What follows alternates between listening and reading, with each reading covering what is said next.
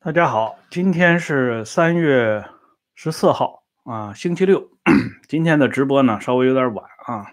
这个今天呢，我们来做一期读书杂记啊，第九十三期啊，讲的是隋炀帝杨广的几个宠臣们的下场啊。今天和明天啊，分别讲两期读书杂记，我们来总结一下这个隋朝啊，这隋王朝为什么？啊，当年呢，这个所谓七星也勃焉，可是呢，七王也忽焉，啊，它升起的时候非常迅速啊，差不多只是二十几年的功夫，啊，让这个王朝呢一下子就攀爬到了顶峰阶段，而且呢，它这种顶峰阶段，不要说后边的宋明啊这些王朝无法望其项背，即便是被我们称之为。啊，鼎盛的封建时期的鼎盛阶段的唐王朝啊，实际上跟隋朝最兴盛的时候呢，也是不能比的。可是呢，它跟秦王朝几乎是一模一样，啊，就是两代而亡。隋文帝呢，号称励精图治，传到他儿子杨广手里呢，所谓啊，普天同判呢，最后呢，江都之变啊，杨广呢。啊，被人家给收拾掉了。那么杨广是怎么上位的呢？啊，就是说怎么爬上来的？处心积虑啊。这里呢，我们就给大家简单的叙述一下，主要是从这个杨广身边的这几个重要的宠臣开始说起。杨广的小名呢叫阿摩，啊，阿摩呢是一句啊梵语，啊，就是说佛家用用语。啊，我们都知道以前有一首老歌，在上个世纪九十年代啊，九一年、九二年的时候啊，曾经呢在正大综艺这个节目里边呢唱响，叫《爱的奉献》啊。这个演唱者呢是当时正大集团的一个负责人的女儿，叫翁倩玉。其中呢有一句歌词啊，叫“爱是阿摩，爱是 love”。这阿摩呢，就跟这个隋炀帝杨广的小名一模一样。这是什么意思呢？是指这个啊善良啊，可以引申为啊像菩萨一样，就是观音菩萨的化身啊。这个杨坚、独孤氏夫妇俩呢，对这个佛教非常礼重，所以呢，给自己最心爱的儿子杨广。起了一个佛教用语，一方面呢是希望他呢一心向向善，一方面呢希望他将来有朝一日啊化身为人世间的观世音，普度众生。啊，这所谓可怜天下父母心呐！别看这个杨坚呢，在这个朝堂之上是搞阴谋的好手，可是呢，他不希望他的儿子啊成为又一个阴谋家。啊，反而呢，他希望这孩子呢是一个善良、健康啊，与人为善的这么一个人。可惜呢，啊，他们这一片苦心呢，没有得到兑现啊。这杨坚被他这个小名叫做阿摩的儿子呢，就给搞掉了。杨广呢，本来是于皇位无望，他是不可能被立为皇太子的。尽管呢，他是老二，可是呢。这杨广他有办法。杨广当年呢做过十年的江都总管啊，就是镇守今天东南半壁。他手下呢也积累了一些啊名人啊能人，你像王绍啊这些人等等的。但是这些人呢有个特点啊，这些人呢是属于光明正大、为人正派，所以夺取皇位这种事情自然不能让啊。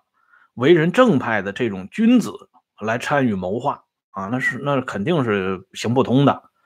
所以杨广呢，另外招募了几个爪牙，这几个爪牙的共同特点呢，就是阴险、蔫坏、好出馊主意啊。其中比较有代表性的是三个人，一个呢首推宇文述。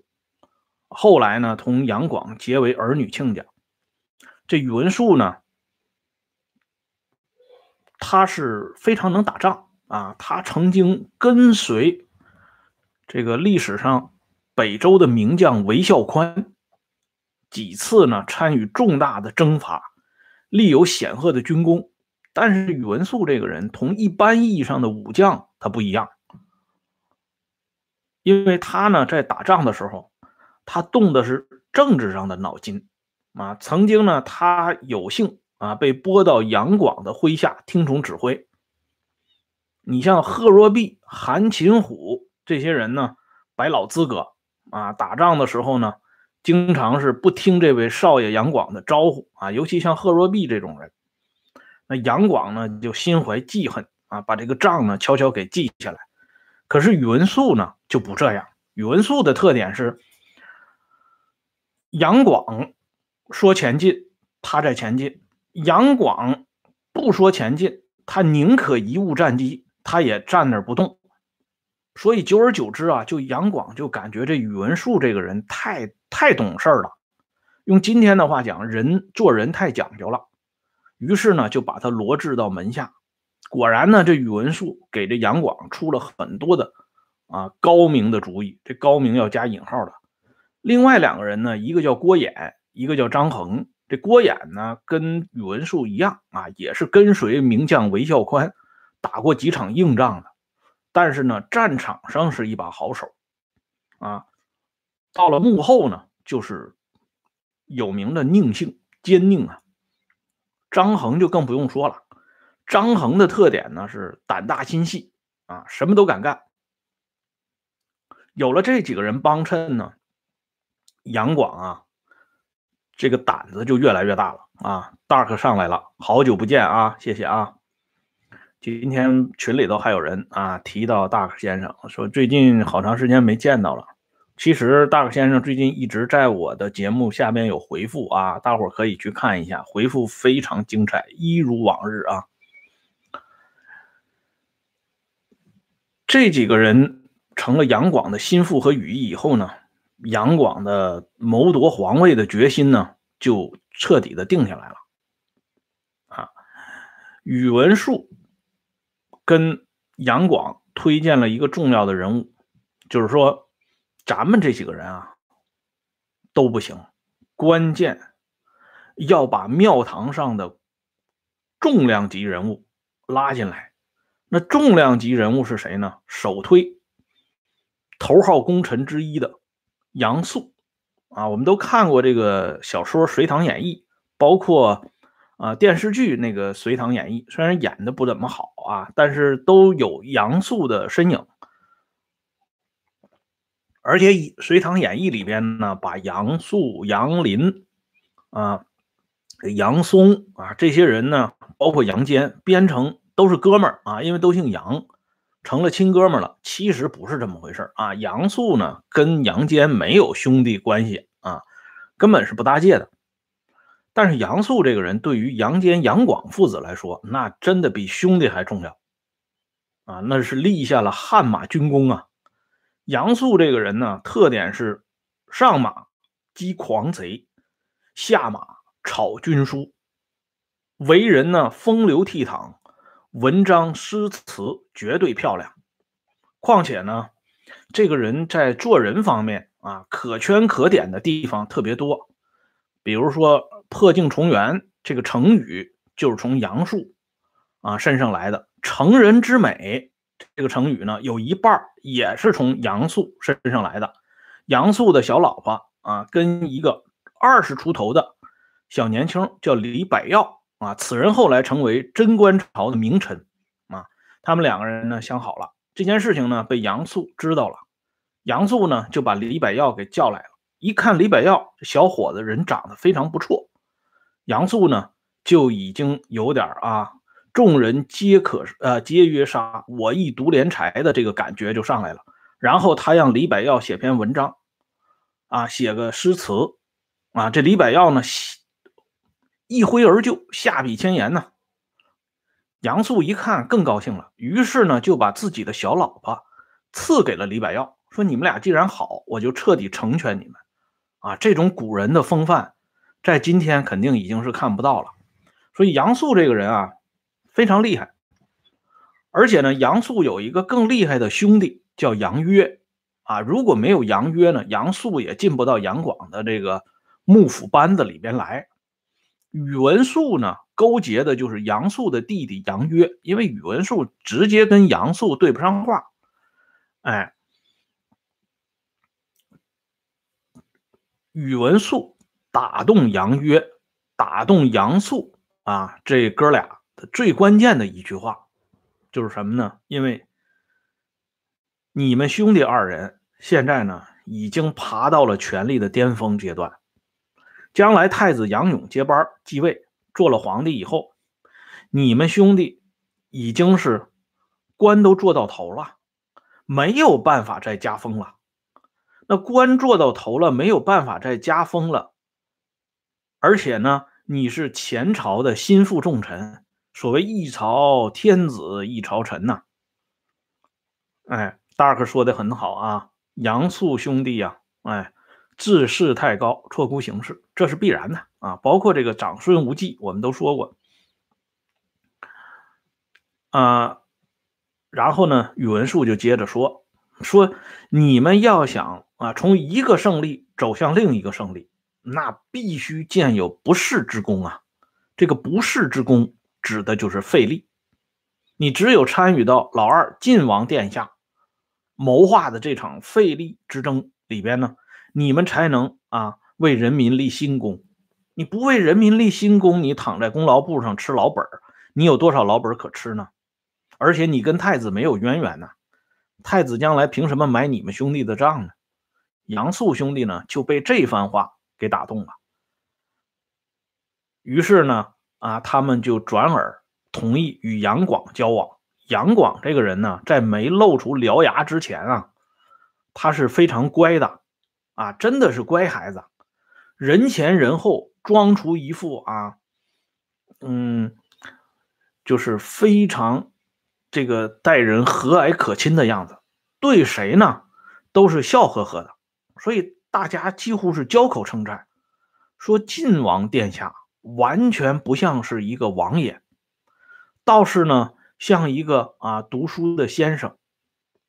于是呢，经过杨素的。谋划，这就是水到渠成了。最后呢，啊，再加上皇后独孤氏的啊关键性的作用，太子杨勇就被废掉了，杨广呢就当上了太子。但是后来呢，啊，杨广的重要的奥元，他亲妈独孤氏去世了，杨坚呢又喜欢上了新的呃女孩，并且呢，他发现这杨素兄弟呢。在朝里头有点飞扬跋扈，控制不住了。他们呢与东宫眉来眼去，几乎呢要攘夺这个皇帝的大权。这样呢，啊，老皇帝啊，为了不让自己当年啊抢班夺权的那一幕在他生前重演，他就把杨素那些人呢给搞下去了，约束太子杨广。这样呢，就激发了。杨广发动仁寿宫变这场著名的政变，这场著名的政变的主要打手呢，就是杨广的心腹张衡。啊，在历史上呢，这件事情虽然啊很多人啊对这件事表示质疑，可是呢，司马温公就是司马光老先生，仍然把这个史实呢写进了他的那个名著里边，啊，《通鉴》。看来呢，就是经过层层的考证，最后认定的杨坚的死呢，确系非正常死亡，而这个直接凶手呢，就是张衡，幕后的指使者呢，自然就是老二杨广。天下坐稳了以后呢，杨广对他的头号功臣杨素，那是赏赐有加呀，啊，给给予了极高的礼遇。但是呢，啊，我们仔细看一下，就会发现呢，有些事情已经开始露出他最初的苗头了。所谓功高不赏啊，功劳太大了，没有办法赏了。杨广封杨素为尚书令，啊，这个职务啊，在隋唐两代只有三个人担任过，杨素是第一个，第二个是李世民，第三个是郭子仪啊。大家想想，这三个人物都是什么样的人啊？可见呢，这杨素已经是位极人臣。但是呢，这个时候朝廷上下呢有一个流言啊，隋朝要有分野之争，就说这天下可能要有分裂的啊这个预兆。分野之地呢，在楚，就是说在这个楚地。于是呢，杨广故意封杨素为楚国公，实际上呢，就是让这个啊这个凶兆呢落在杨素的头上。杨素是多么聪明的人啊，他就明白了。正好这个时候，杨素自己身体也不行了，他就躺倒了。杨广呢，啊，非常关注这位老臣，一而再，再而三的派自己的太医到杨素的府上呢，给他诊治。但是不管太医开什么药，杨素都不吃。他弟弟杨约很着急呀，就跟他大哥说：“你得赶紧吃药啊，不吃药这病怎么能好呢？”杨素到底比他老弟呢，啊，聪明一点。他说呢。不能吃药啊，啊，还指望着活下去吗？啊，说了这么一句大白话，杨约也是明白人，一听就知道了，心中非常苦楚啊。就这样，杨素呢，历史上叫杨素绝医，就是不医治自己的病，任其发展，最后杨素去世了。去世以后呢，隋炀帝异常的悲悼。啊，专门写了悼词，啊，怀念杨素。可是呢，在背后，他对他的亲信说了这么一句话，这是古汉语啊，翻译起来还比较难啊。他说什么呢？他说：“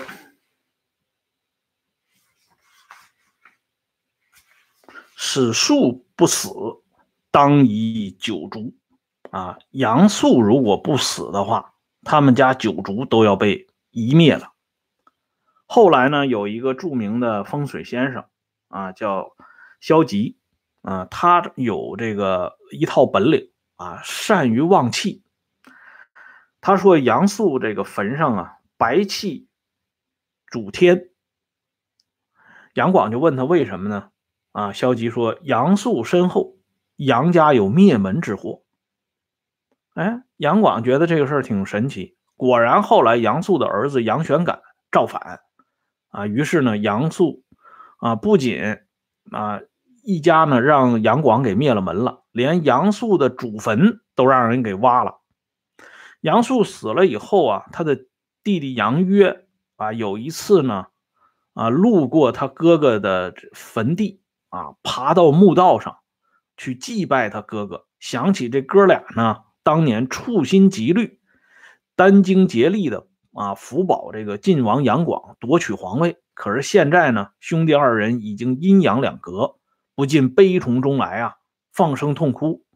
这个事情啊，被杨广知道了，杨广就借口这杨约啊，居然在太平盛世之下，你不歌颂这个朝廷，还啊用死人压活人。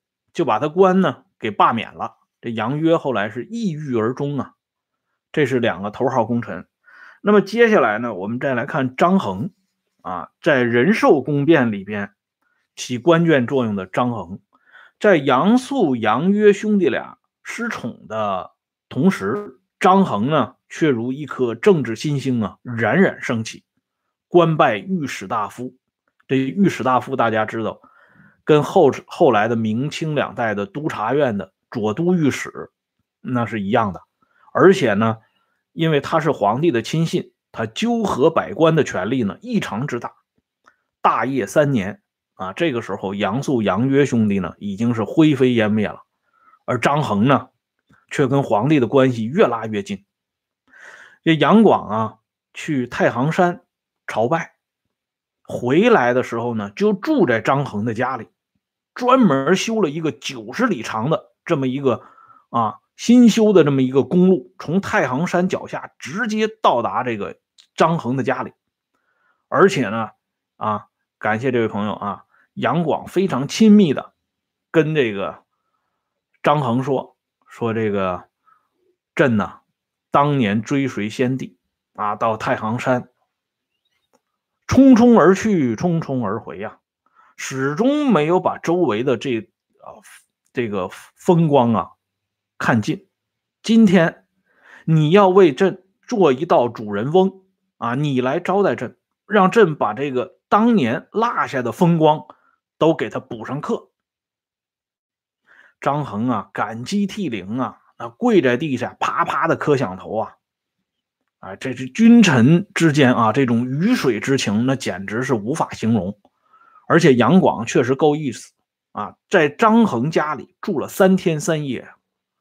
啊，对张衡家里人呢，那说的那些啊片汤的话，那就多了去了。而且不以皇帝自居，啊，以这个老朋友自居。两个人呢，啊，在这个床上啊啊，说了很多提己的话，掏心窝子的话，那简直就恨不得搂大脖了。这么一个宠臣，张衡自认为自己没问题了，在皇帝那儿是。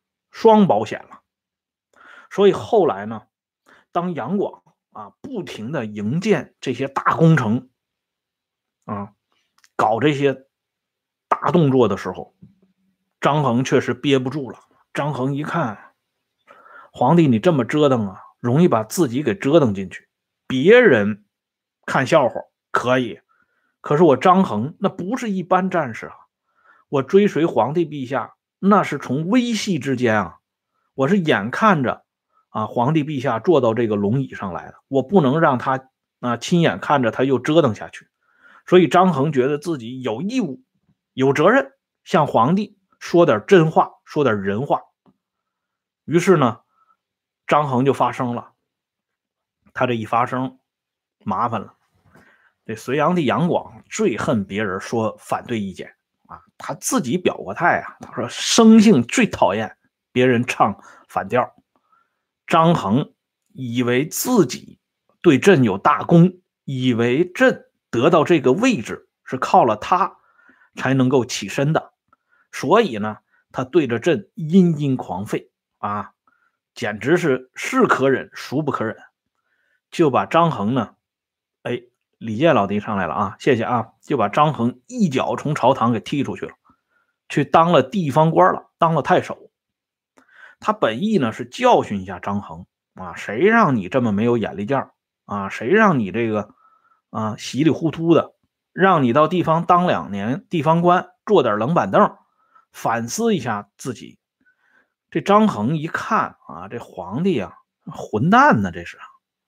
我这说的是真话，是为你好，然后你一脚把我踢开了，所以这张衡呢，在太守这个位置上呢，干的非常啊不舒心啊。他这不舒心以后呢，就经常是吃吃喝喝，玩玩乐乐，索性就不管这个政务了。几年以后呢，杨广又想起张衡了啊，问左右张衡去哪儿了？大家说啊，张衡在什么什么地方做官呢？啊，杨广说把张衡给我找来。啊，大家呢就把这张衡给叫来了，结果呢，杨广以为啊这几年的冷板凳应该让张衡有所收敛啊，起码到皇帝面前应该哭诉自己过去的这个错误，向皇帝呢做自我检讨。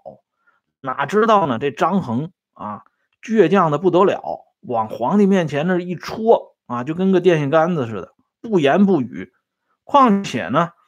这杨广一看，这张衡居然还发胖了，啊，合着我让你到地方去当官以后呢，你没反思自己的错误啊，没有让自己呢行销鼓励，居然发胖了。所以杨广当时说了一一句话，说“功甚肥则，一切还俊”，啊，就说你太胖了啊，你滚回去吧你。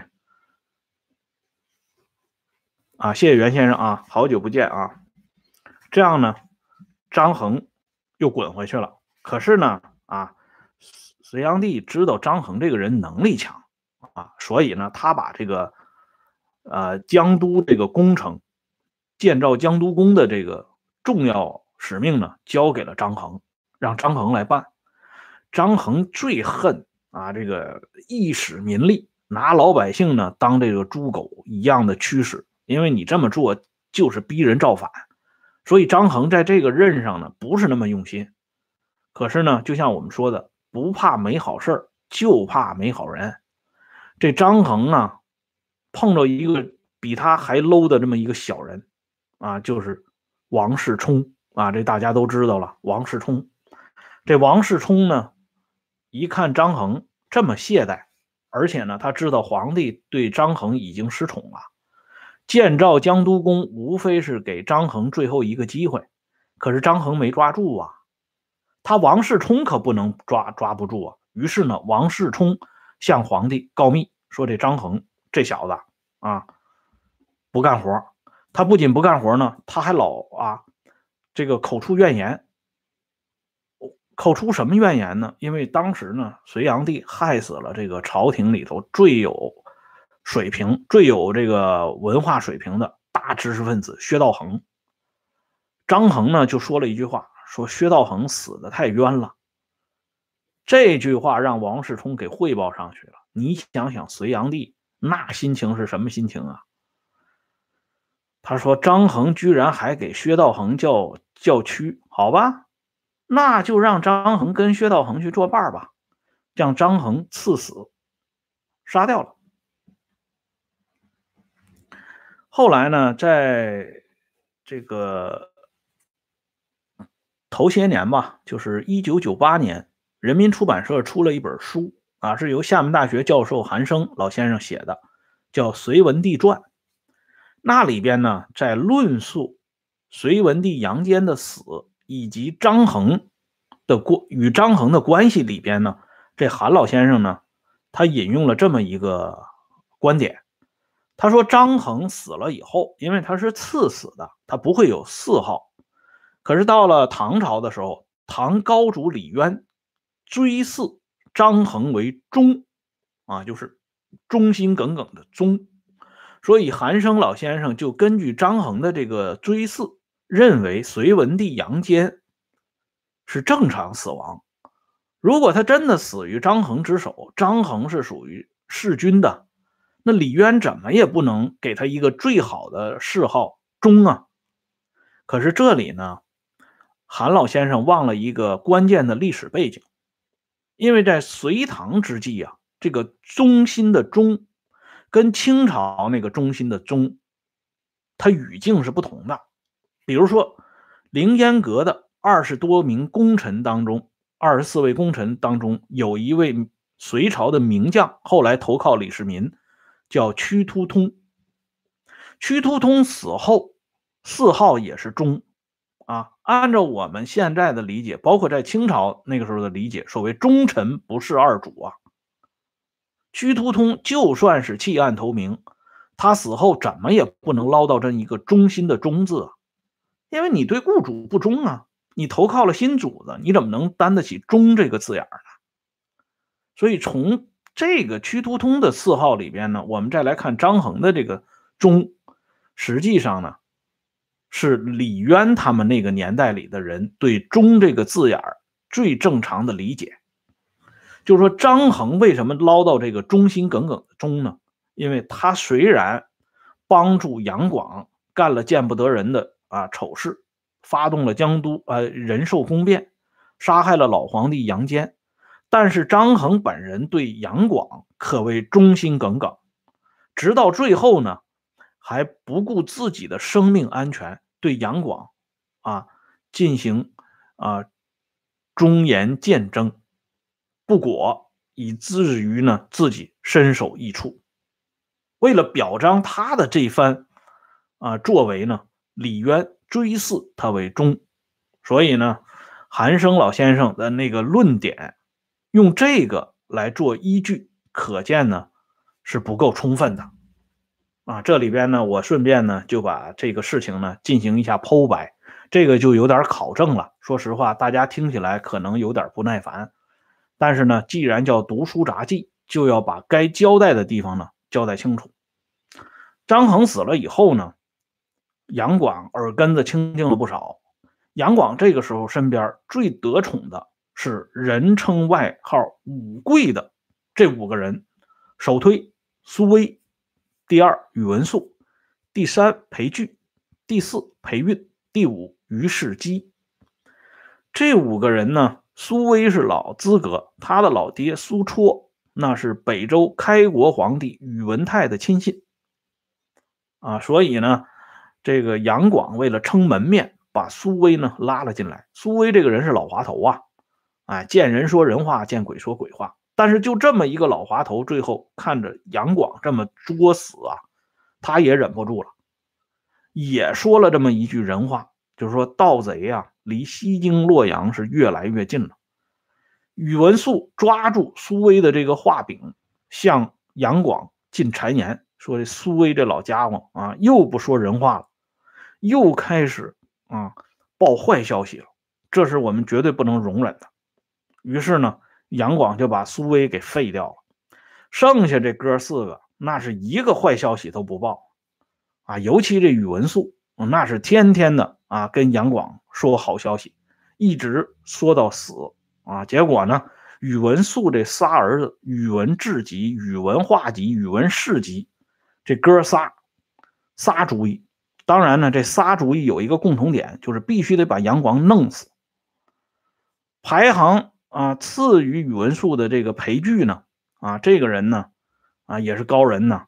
他呢，把自己搂来的这些钱啊，经常免费的送送给杨广身边收买杨广身边的这些骁勇善战的骁果们，就说万一出现问题。这些御林军们会冒死保护他裴矩的生命啊！裴矩这个人的聪明就在这儿。这裴运呢，就是迎合杨广，杨广喜欢酷刑，所以这裴运呢，想方设法的把那些啊需要弄死的，都残酷的加以处决。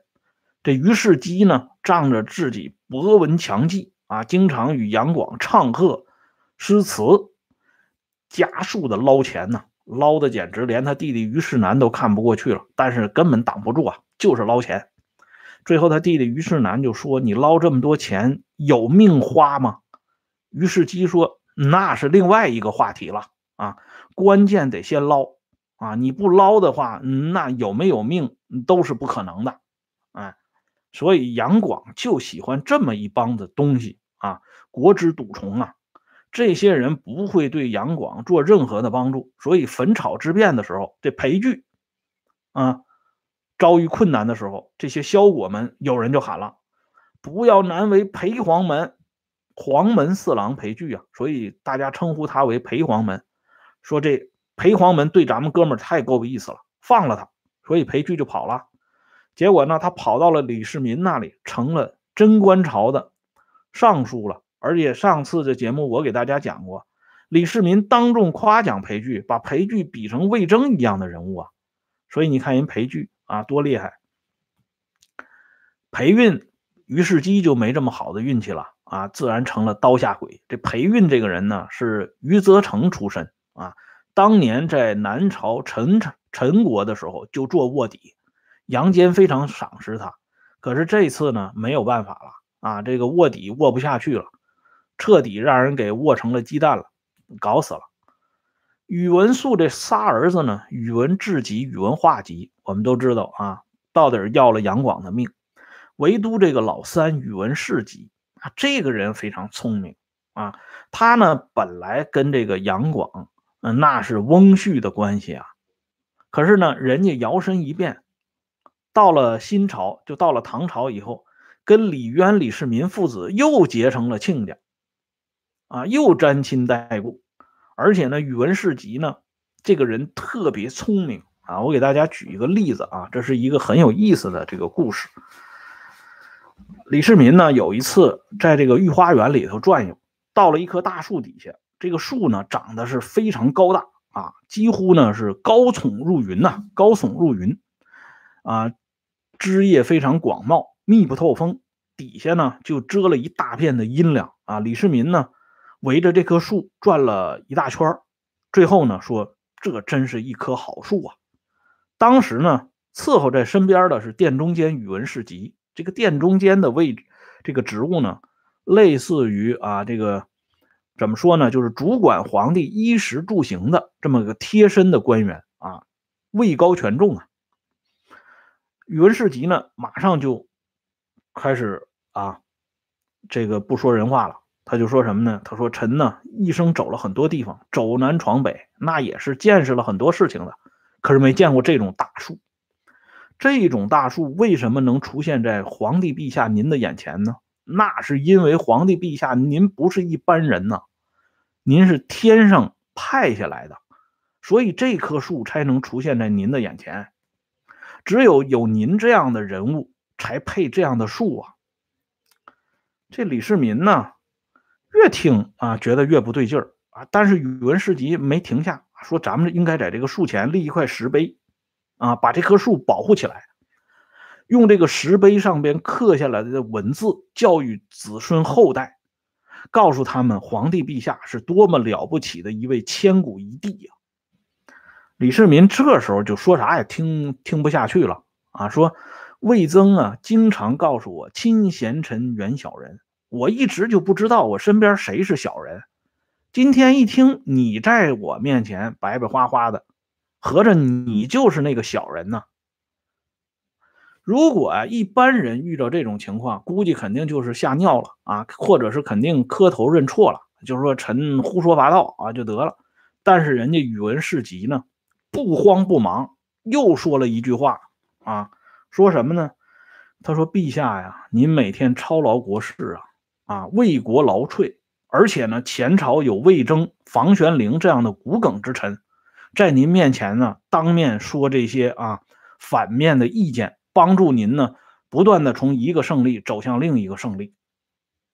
啊，他们都说反话，那皇帝陛下呢，您天天听的都是反对意见，就算您呢，啊，是为了国家，为了民众。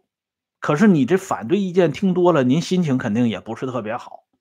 那我呢，就借着这个啊，咱们遛弯的这个机会，我就说点您爱听的话，啊，说点正面的话，啊，显示一下正能量。